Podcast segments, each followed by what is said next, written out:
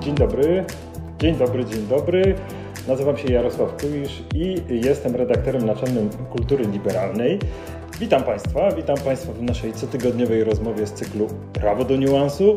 Niuansu, którego potrzebujemy w czasach polaryzacji medialnych jak powietrza. Nad powodzeniem naszego spotkania czuwa jak zawsze niezawodnie redaktor Jakub Bodziony, ale bez Państwa, bez Państwa nic by nam się nie udało. Dziękujemy za 1%. Dziękujemy także za to, że Państwo nas wspierali. Jeżeli podoba się Państwu to, co robimy, chcą Państwo, żebyśmy to kontynuowali, to prosimy także o to, żeby pamiętali Państwo o tym, że żyjemy z darowizn, darowizn cyklicznych, wsparciu, za które Państwu w tych trudnych czasach ogromnie, ogromnie dziękujemy. Zapraszam także Państwa do subskrybowania naszego kanału na platformie YouTube. No, to pomaga nam się rozwijać dość brawurowo. Jak Państwo zajrzą, to zobaczą Państwo, że wyniki fiu, fiu, fiu idą w górę. Co więcej, oczywiście nasze podcasty były notowane wysoko. Znalazły się w samej czołówce różnych notowań. O tym Państwu już mówiłem przy okazji poprzednich spotkań. A teraz przejdziemy już do naszej rozmowy. Proszę Państwa. W Polsce trwa coś, co bywa nazywane rewolucją konserwatywną, albo też budowaniem czwartej Rzeczpospolitej. Nazw nie brakuje, niemniej jednak, niemniej jednak niezmiennie mówi się nam o tym, że budują ten nowy ład, czy też stary ład, nie wiem, zaraz będziemy o tym rozmawiać, co to za ład. Konserwatyści, że to jest rodzaj takiej konserwatywnej agendy z poszanowaniem dla tradycji, z poszanowaniem dla ładu istniejącego. No cóż, na ten temat, jak wiadomo, zdania są podzielone, ale mnie, mnie by dzisiaj interesowało to, żeby z Państwem rozmawiać w taki sposób, że weźmiemy sobie tutaj jakiegoś oczywistego krytyka obecnego rządu, a bardziej mnie by interesowało to, żebyśmy spróbowali porozmawiać z kimś, kto przedstawia się jako konserwatysta, żebyśmy mogli porozmawiać z kimś, kto tę konserwatywną agendę popiera. W związku z tym zaprosiliśmy dzisiaj Michała Szudrzyńskiego, znanego dziennikarza, znanego publicystę, od 2016 roku redaktora naczelnego Rzeczpospolitej, ale także absolwenta filozofii na Uniwersytecie Jagiellońskim. I dziś porozmawiamy z Michałem Szudrzyńskim jako konserwatystą o tym, co wydarzyło się w Polsce. Witaj, Michale. Witam cię serdecznie, Jarku. I oczywiście nie możemy nie zacząć od tego, od czego po prostu 24 lutego nie wypada nam nie zacząć, czyli od tego, że ty sam powiedziałeś i napisałeś, że agresja Rosji na Ukrainę zmienia wszystko i zmienia także ocenę, w, twoim, w Twojej opinii, zmienia także ocenę naszej właśnie konserwatywno-narodowej prawicy. Czy z tego punktu widzenia, z punktu widzenia Ciebie jako konserwatysty, co zmienia wojna i w jaki sposób wojna wpływa na ocenę naszej sytuacji?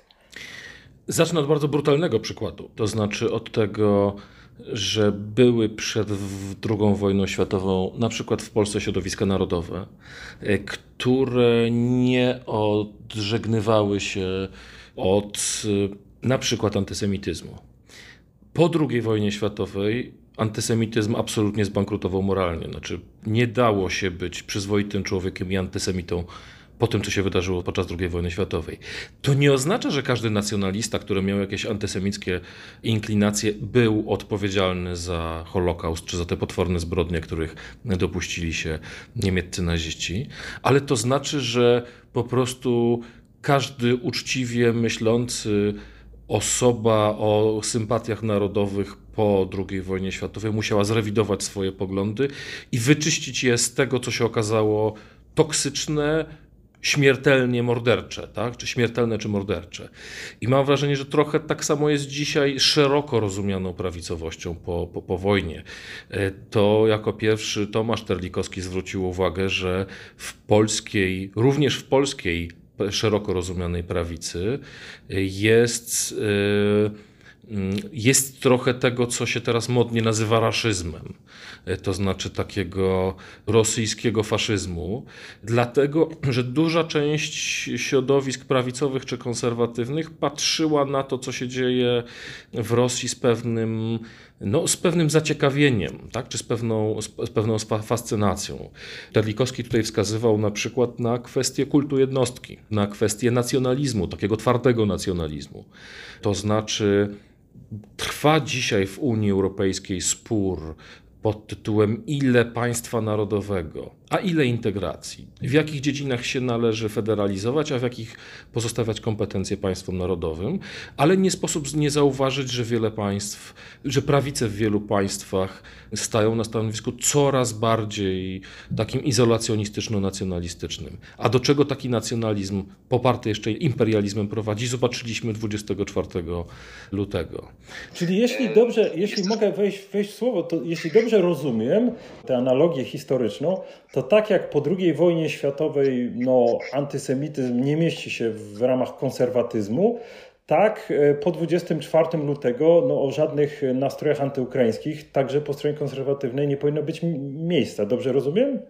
Raczej nie sprowadzam do, do kwestii pro czy antyukraińskich, e, dlatego że, że wydaje mi się, że akurat w Polsce w tej chwili ta, ten odruch solidarności wobec Ukrainy jest, jest całkowicie jednoczący całkowicie ponad podziałami ideowymi czy politycznymi. I też bym e, uprzedził, że moim zdaniem e, konserwatyzm z antysemityzmem nigdy nie miał nic wspólnego, a raczej w polskiej myśli narodowej było trochę antysemityzmu, ale mam wrażenie, że właśnie po, po II wojnie wszyscy zrozumieli, że trzeba go z tego oczyścić i, i, i, tak, samo, i tak samo te pewne oczyszczenia trzeba zrobić po, po, po 24 lutego.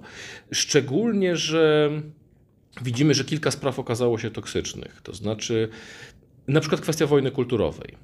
E, jeżeli widzimy, że patriarcha wszechruci Cyryl e, używa kwestii właśnie kulturowych, e, na przykład kwestii LGBT, jako uzasadnienia tej wojny, była taka jego słynna wypowiedź, że mieszkańcy Donbasu są poddawani ludobójstwu, cytuję, dlatego że nie chcieli wybrać zachodniego stylu życia, a zachodni styl życia to, znów cytuję, gay parady.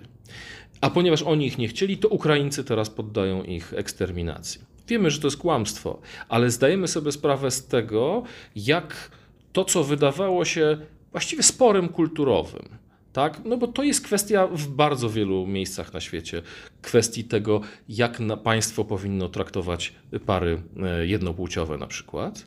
Jak ta kwestia zesporu światopoglądowego zmienia się w wojnę, a ta wojna kulturowa staje się uzasadnieniem e, do tego krwawego konfliktu. Ja nie mówię, że teraz nagle konserwatyści mają odejść od swojego myślenia i nie mówić o tym, że ich zdaniem państwo powinno preferować małżeństwa, małżeństwa odmiennopłciowe e, i tak dalej. To zupełnie to, że mają się nagle wyrzec swoich poglądów, tylko mają sobie zdać sprawę z tego, że na przykład spora część negatywnych emocji czy sentymentów przeciwko środowiskom LGBT była rozniecana również przez, przez Putina, tak? czy była roz, roz, rozniecana przez, przez Rosję. I teraz pytanie, jak wiele tych elementów zatruwało jak gdyby prawicę czy, czy, czy konserwatystów w zachodniej Europie. Wiemy na przykład o tym, że e, były finansowane niektóre organizacje, które nazywają się katolickimi czy konserwatywnymi, były powiązane finansowo e, z Kremlem. To Kreml wpadł na pomysł organizacji e, takich właściwie no, pięknych i szczytnych idei, jak różnego rodzaju kongresy rodziny, i teraz wierzę w to, że bardzo wiele osób angażowało się w to z czystej, dobrej woli, że po prostu uważali, że no, rodzina jest czymś wartościowym i warto jej bronić. Niemniej e, w tej agendzie Putina to odgrywało ważną rolę, bo pozwalało mu znajdywać uzasadnienie do swojej po prostu imperialistycznej czy, czy, czy, czy, czy takiego myślenia w kategoriach takiego agresywnego nacjonalizmu. E, i imperializmu rosyjskiego. No to stawiasz chyba, chyba część tej naszej konserwatywnej prawicy w trudnym położeniu, no bo to, co mówisz, to dla niektórych w ostatnich sześciu latach nie były poboczne sprawy.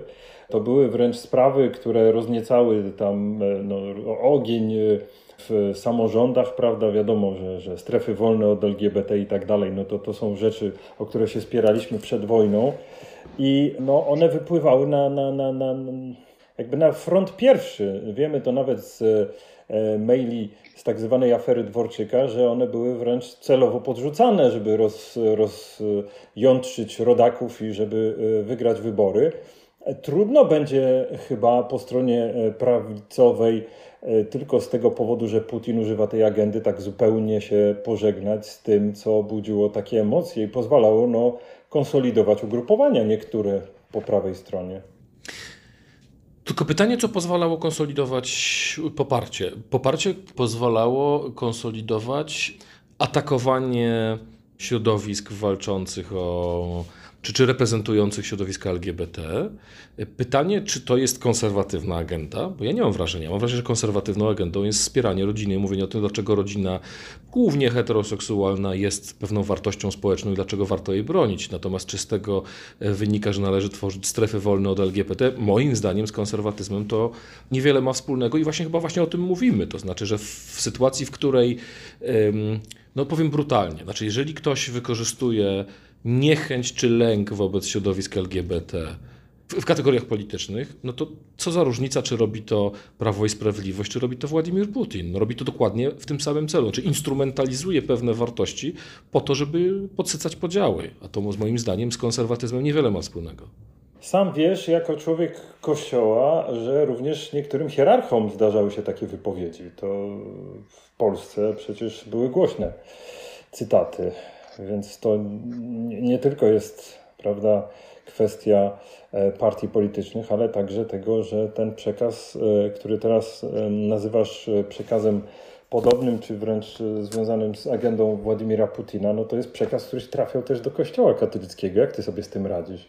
Dlatego, że mam wrażenie, że błędem, który popełniła część polskiego kościoła, było to, że pomylił uczestnictwo w wojnie kulturowej z misją głoszenia Ewangelii. Znaczy ja wierzę, że celem Kościoła jest głoszenie dobrej nowiny, głoszenie przebaczenia, miłości i pewnej wizji wolności, która jest pewną pozytywną wizją. Natomiast duża część polskiego Kościoła, i to jest zdumiewające, jak odkrywcze było to, co postać, która była dosyć e, ważna w moim życiu, czyli ksiądz profesor Józef Tischner, zdiagnozował to już 30 lat temu, na samym końcu, na samym początku polskiej transformacji, to Józef Tischner zauważył, że bardzo duża część Kościoła nie potrafi się odnaleźć w warunkach wolności.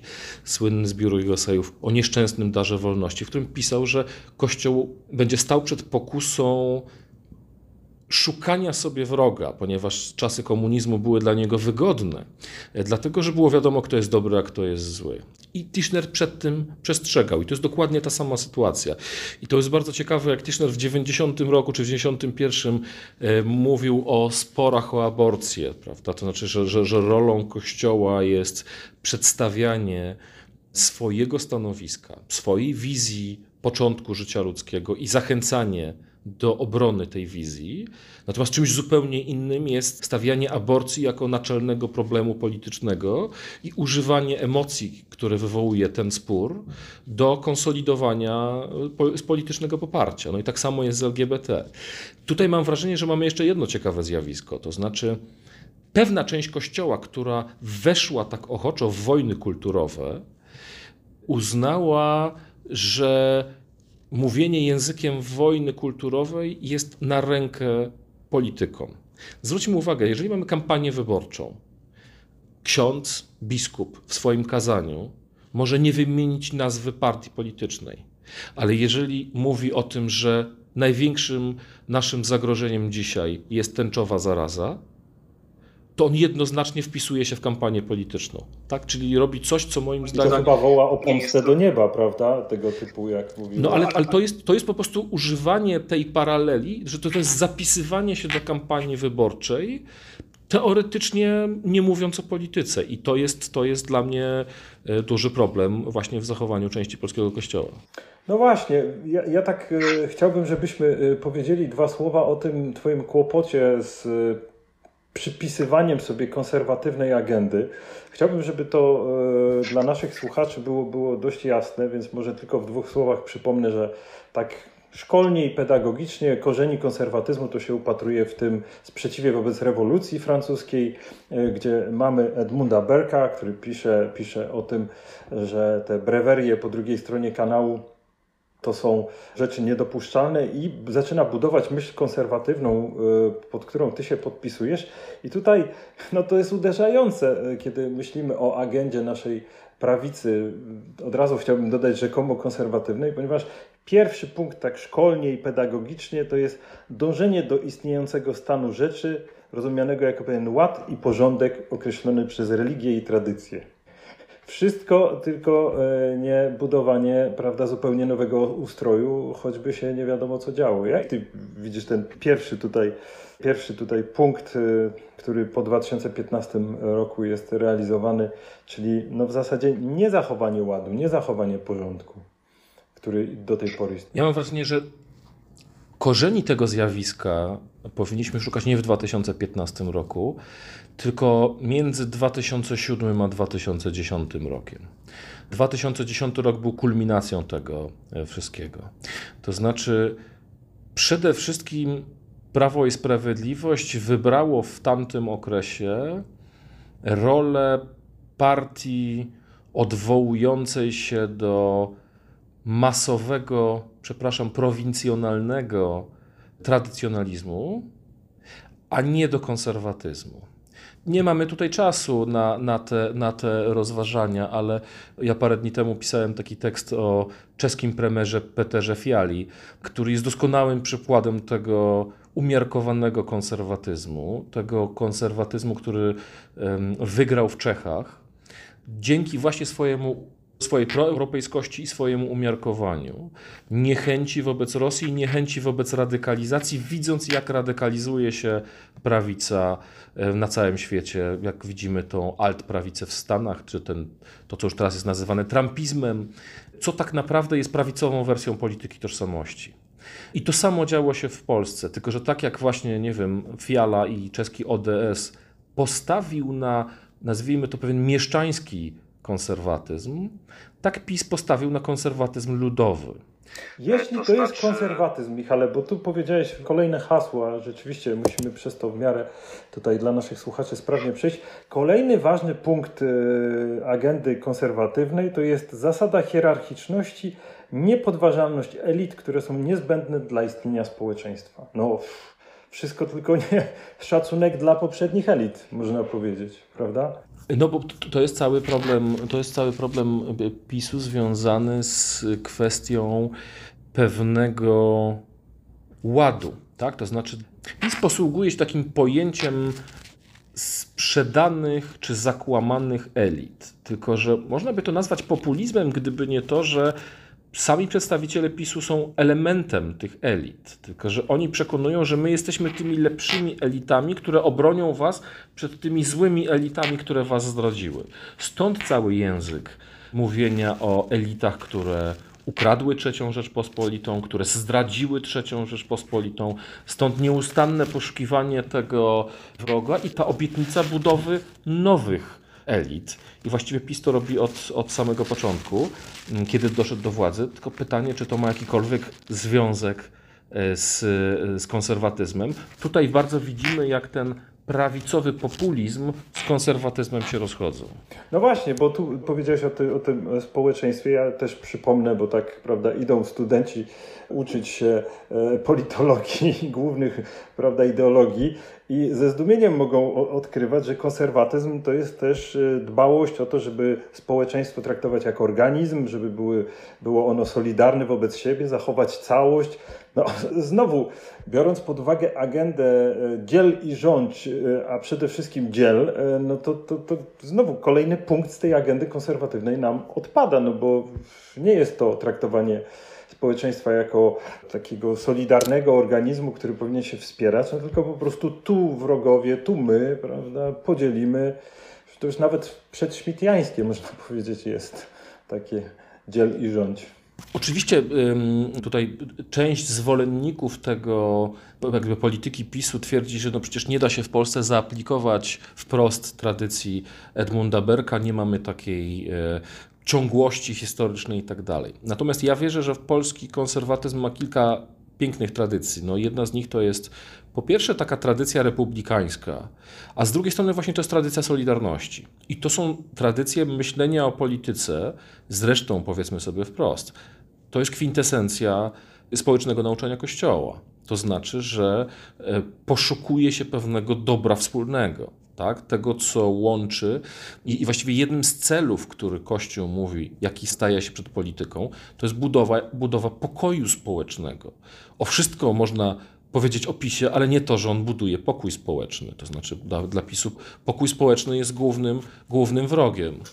No właśnie, to by dało się nawet sprowadzić do takiego roz, rozejścia się, że tradycyjny konserwatyzm szuka tego, co łączy, żeby uniknąć rewolucji, prawda? Przypomnijmy, no to jest jednak punkt wyjścia szuka tego, co łączy, no a teraz oglądamy szukanie tego, co dzieli, prawda? I to jeszcze na dodatek z takim założeniem, że e, żeby właśnie zbudowaniem jakiegoś nowego ładu, trudno do, do końca czasami powiedzieć.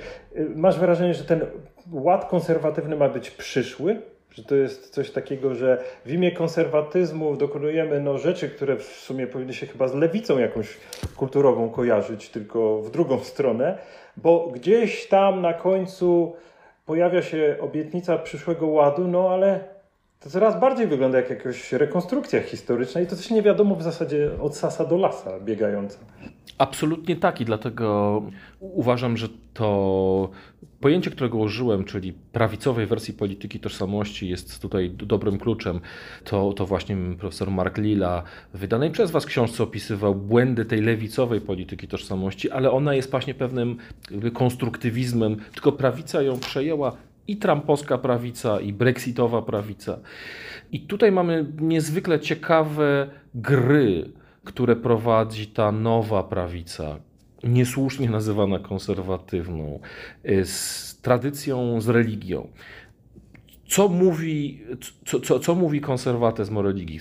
Konserwatyzm mówi, że religia tak naprawdę jest pewnym rezerwuarem wartości, które są elementem budowy tego spokoju społecznego. Natomiast dla PiSu religia jest tak naprawdę elementem żyrowania swojej własnej legitymizacji. To znaczy, Kościół ma służyć temu, żeby wspierał władzę, e, natomiast niekoniecznie chodzi o jakiekolwiek kwestie, kwestie wartości. Więc to, to jest jedna rzecz i dokładnie ten sam mechanizm jest historią. To znaczy, w tym sensie PiS jest partią, która wykorzystuje pewien sztafaż historyczny po to, żeby zwiększać swoją legitymizację, żeby pokazywać, o tutaj my jesteśmy, my robimy i tak dalej. Te wszystkie odniesienia do historii mają na celu przede wszystkim wywołanie pewnego elementu efektu politycznego. Powiem coś bardzo brutalnego. Znaczy, mam wrażenie, że w tym, co dla PiSu już w czasach, jeszcze jak był w opozycji, ale to było niezwykle widoczne, kult żołnierzy wyklętych znacznie bardziej miał mobilizować sympatyków i przeciwników Platformy i tamtejszej władzy, niż stać się elementem docenienia grupy, która rzeczywiście przez wiele lat była, była niedoceniona. Chodziło o wykorzystanie pewnego potencjału do celów politycznych, a nie budowę jakiejś spójnej narracji politycznej. No tak, to ja potwierdzam, bo ja sam pamiętam, że byłem po prostu zdziwiony, kiedy pierwszy raz, no to już lata temu, usłyszałem e, coś, co wyglądało na przeciwstawienie e, żołnierzy wyklętych Armii Krajowej. No to, to po prostu było coś, co było zdumiewające. No to było oczywiste, że to jest e, na użytek historii, ale to też pokazywało, że zarówno religia, jak i historia są używane dość dowolnie. I tak się zastanawiam, sam widziałeś wielokrotnie, że w publicystyce prawicowej pojawia się taki zarzut o postmodernizm liberałów, postmodernizm lewicy. Ja mam wrażenie, że e, w tej dyscyplinie e, żonglowania dowolnego narracjami, to chyba prawica nie tylko nie zostaje w tyle, ale w wielu sprawach e, o głowę prze, przerasta swoich przeciwników. I tutaj mamy do czynienia z zjawiskiem, które też dobrze opisał Timothy Snyder w, w, swojej książce. On akurat pisał o tym w odniesieniu do Rosji, ale to, co mówi o Rosji, toczka w toczkę odpowiada dokładnie temu, co robi PiS. To znaczy, jak jest wykorzystywana historia w polityce rosyjskiej. On to, on to ładnie opisuje, jak gdyby taka polityka oparta na wieczności, to znaczy, że mm, nie chodzi o czas rozumiany linearnie, tylko wydarzenia z przeszłości, e, czy te rekonstrukcje historyczne E, one nabierają znaczenia dzisiaj, stają się narzędziem politycznym dzisiaj. Więc tu nie chodzi o żadną przeszłą historię, no bo jeżeli słyszymy od, od PiSu o tym, że Polska ma odzyskać swoją godność, albo że ma zająć należne jej miejsce, odzyskać albo należne miejsce, co jest tym w takim razie punktem odniesienia? Czy chodzi nam o drugą Rzeczpospolitą? Czy chodzi nam o Polskę z czasów rozbiorów? Czy chodzi nam o sięgnięcie do, do czasów przedrozbiorowych i do I Rzeczpospolitej? Dokładnie ten sam problem mamy w edukacji. Tak? Znaczy, gdy mówimy o tym, że trzeba przywrócić pewien model edukacji i wychować tego nowego Polaka, to co jest tym punktem odniesienia? Znaczy, ten punkt odniesienia jest całkowitym konstruktem ulepionym z różnych wizji historycznych. To jest dokładnie to samo, co jest w kwestii polityki różnicy pomiędzy konserwatyzmem a ym, nadużywaniem pojęcia rodziny w wojnach kulturowych. Bo w wojnach kulturowych mamy powiedzenie, no kiedyś to była piękna rodzina, wspaniała, y, a dzisiaj to świat ją zepsuł i tak dalej. Zatrzymajmy się tutaj na chwilę. O jakim momencie my mówimy? Czy mówimy o rodzinie, która była w czasach komunistycznych? Czy mówimy o rodzinie w II Rzeczpospolitej, w XIX wieku? No okej, okay, w XIX wieku takie rodziny, które dzisiaj byłyby wzorem, to była tak naprawdę kwestia elit. Natomiast większość społeczeństwa, czy to robotnicy, czy chłopi, żyli w kompletnie innej sytuacji. To nie była idylliczna rodzina, w której mama zajmowała się domem, tata pracował, a dzieci się radośnie wychowywały. To taka, taka koncepcja jest pewnym konstruktem tak? który owszem, to był element takiego naskórka, taka powiedziałbym inteligencka rodzina, tak? dwudziestowieczna, czy, czy, czy ten, ale to nie było doświadczenie milionów e, właśnie chłopów czy robotników. No, tym bardziej, że, tym bardziej, że ludzie krócej żyli i to w ogóle choćby z tego powodu trudno jest do, do zastosowania. Bardzo często takie zupełnie banalne rzeczy, jak to, że kobiety po prostu umierały przy porodach masowo po prostu wpływało na model rodziny, to jak to, jak, jak to tak naprawdę wyglądało. Plus jest też kwestia społecznej roli kobiety. Czy ci, którzy mówią o tym, że chcieliby, żeby powróciła tradycyjny model rodziny, czy oni chcą, żeby przywrócić społeczną rolę kobiet z XIX wieku? Czy oni by chcieli rzeczywiście losu dla swoich córek, takich jakie były przed większością kobiet w XIX wieku? Jestem przekonany, że nie. To jest wyłącznie konstrukt. Ale może też i hipokryzja, wiesz, i tak się zastanawiam, co jest prawdziwe w tej układance. I to, wiesz, tak powoli zmierzając do przedwczesnego na pewno finału naszej rozmowy, wiesz, co jest prawdziwe w tej układance? I tak się zastanawiam, tak, no skoro konserwatyzm to jest, tak jak mówisz, no z twojego punktu widzenia jakiś konstrukt, Skoro historia też jest polem gry, którym sobie wybieramy dowolne elementy, to ja postawiłbym e, taką taka hipoteza robocza, że mam wrażenie czasami, że, że prawdziwy ideologią jest resentyment. I on jest bardzo różnie motywowany, ale to jest rodzaj, przekładając już na takie może jeszcze prostsze słowa, rodzaj jakiejś zawiści o różne sprawy. Jakiegoś takiego wątrobiarstwa. I że to jest prawdziwe. I jak oglądam różnych polityków, to mam wrażenie, że to w nich na pewno jest. Nie wiem, czy jest w nich miłość do ojczyzny, nie wiem, czy jest w nich miłość do historii, nie wiem, czy jest w nich miłość do tradycyjnej polskiej rodziny, ale na pewno wśród wielu z nich jest zawiść albo żółć, albo właśnie resentyment z jakichś powodów, bardzo różnych, ale że to potrafiło zjednoczyć część no, naszego społeczeństwa. No, tym się różni moim zdaniem solidarnościowa polityka społeczna od populizmu, że solidarnościowa polityka społeczna stara się budować, wyrównywać, a polityka populistyczna gra na resentymentach. Ja dlatego użyłem tego pojęcia prawicowej polityki tożsamości, ponieważ w tym sensie taka prawicowa polityka tożsamości oparta jest na negacji. To znaczy, znajdujemy się my jako grupa, która jest całkowicie atakowana. My jesteśmy atakowani przez lewicowy świat. My, chrześcijanie, jesteśmy rugowani. My, Polacy, każe nam się wstydzić naszej polskości, każe nam się wstydzić naszej historii. To jest ta narracja pisowska, to jest ta tożsamość zbudowana na, na negacji. Tak?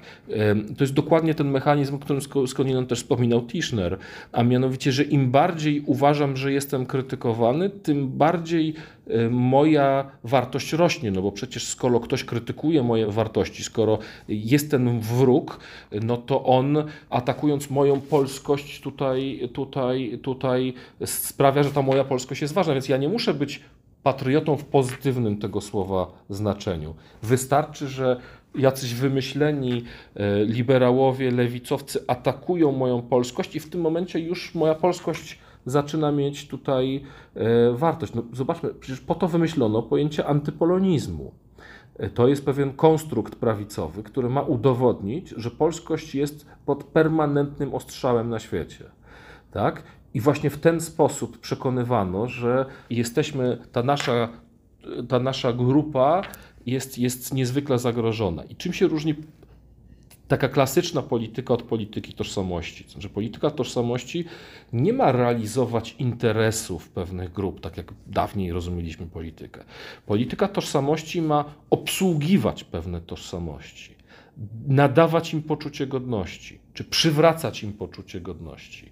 Ma zajmować się e, tutaj nieoceniony wkład Ludwika Dorna redystrybucją prestiżu. To znaczy ma sprawiać, żeby grupy, które czuły się wykluczone, czuły się gorzej, nagle poczuły się lepiej. Właśnie poprzez rozmaite, rozmaite zagrania, poprzez rozmaite e, żonglerki historią, religią i tak dalej. Ale to jest wszystko sztafasz. Tak? Znaczy, w tym sensie jest to całkowicie postmodernistyczny e, twór, tak samo jak Donald Trump był na skroś postmodernistycznym politykiem, tak samo jak to, co robi Putin, niby jest oparte na tradycji historii, ale to jest całkowicie przetworzony sowiecki e, taki, ta, taki sposób, sposób myślenia, który z konserwatyzmem czy, czy, czy, czy z taką prawicowością naprawdę niewiele ma, e, ma wspólnego. Ale może jest tak, jeszcze, przepraszam, jeszcze, e, wiem, że musimy kończyć, ale może jest tak, jak mówił niedawno w wywiadzie dla Plusa Minusa Rafał Matyja,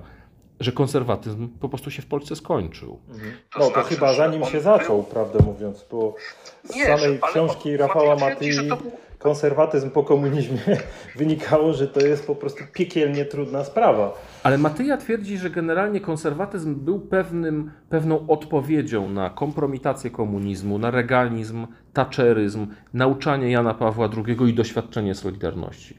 Tylko, że dzisiaj wszystkie te rzeczy się wyczerpały. My żyjemy w zupełnie nowym świecie. W związku z tym ten tradycyjny konserwatyzm jest tak naprawdę zbiorem pustym. To znaczy PiS nie jest partią konserwatywną, a tacy politycy, których kojarzyliśmy z konserwatyzmem, jak Kazimierz Michał Ujazdowski czy Aleksander Hall i tego typu postaci, niezwykle szacowne, ale znajdują się dzisiaj całkowicie poza głównym nurtem polityki.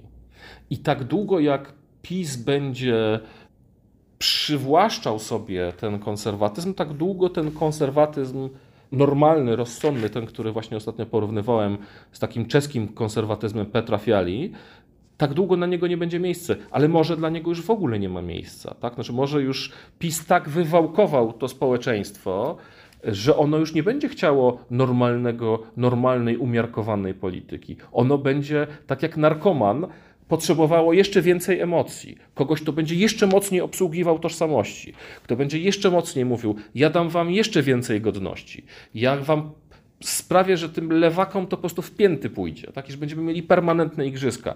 Ja się boję, że to jest droga w jednym kierunku. No wiesz, to jest y, niestety to, co obserwujemy, niezależnie od tego, czy jesteśmy konserwatystami, czy liberałami, że, że, że pewna, pewna tendencja e, pewne, pewne procesy zachodzą i wtedy chyba najważniejsze to pytanie to, co tu jest na serio, prawda? No bo jeżeli jest tyle wiosek piatiumkinowskich, to w którymś momencie trzeba by było wziąć szpilkę i przyszpilić to, gdzie jest prawdziwy konflikt, gdzie są prawdziwe wiesz, rozgrywki.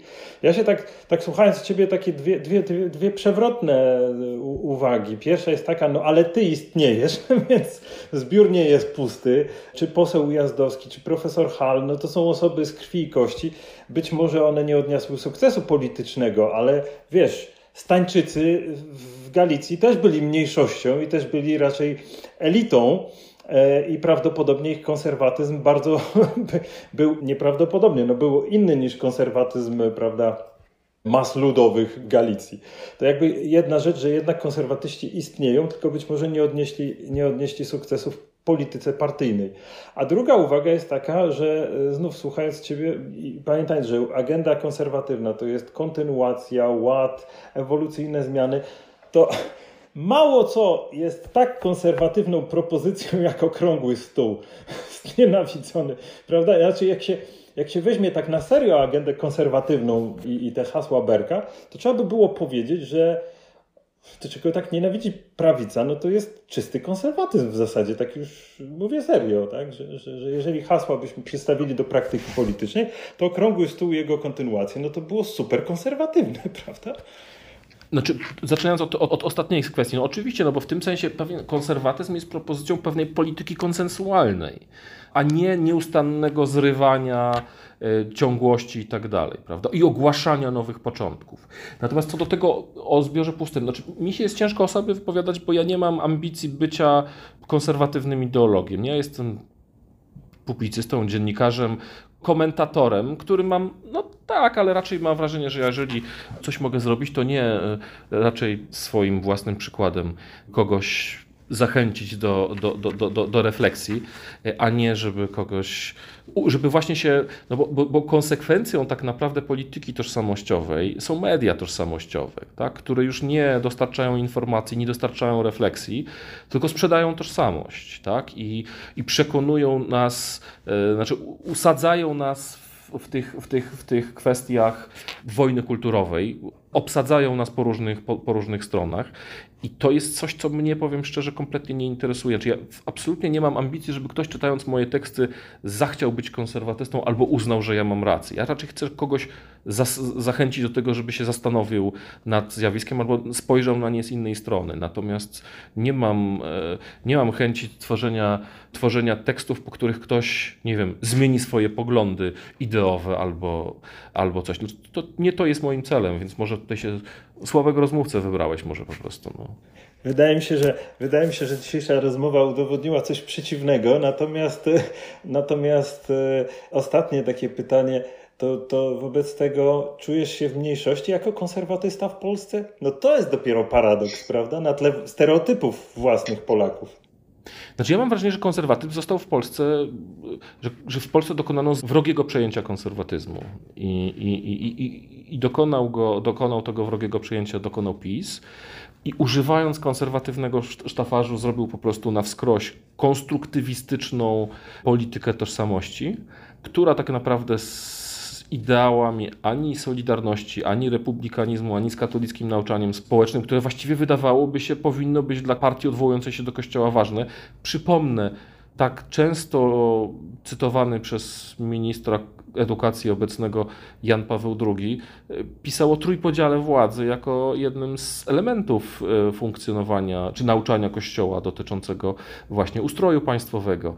Więc akurat to się chyba jakoś w PiSie nie przyjęło, ale tutaj za, ja zastosuję coś, co, coś przewrotnego na koniec. Znaczy, ja mam wrażenie, że PiS skończył się jako, jako formacja konserwatywna wraz ze śmiercią prezydenta Kaczyńskiego.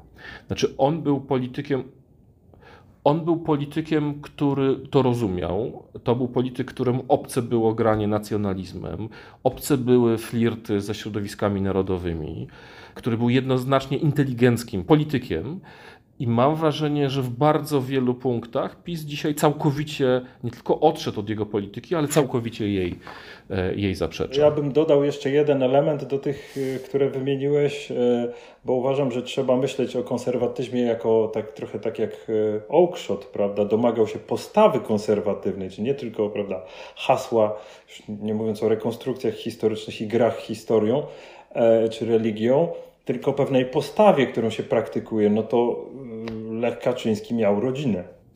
Mało tego, Lech Kaczyński przyszedł do historii jako budowniczy Muzeum Powstania Warszawskiego, czyli wielkiego pomnika Armii Krajowej.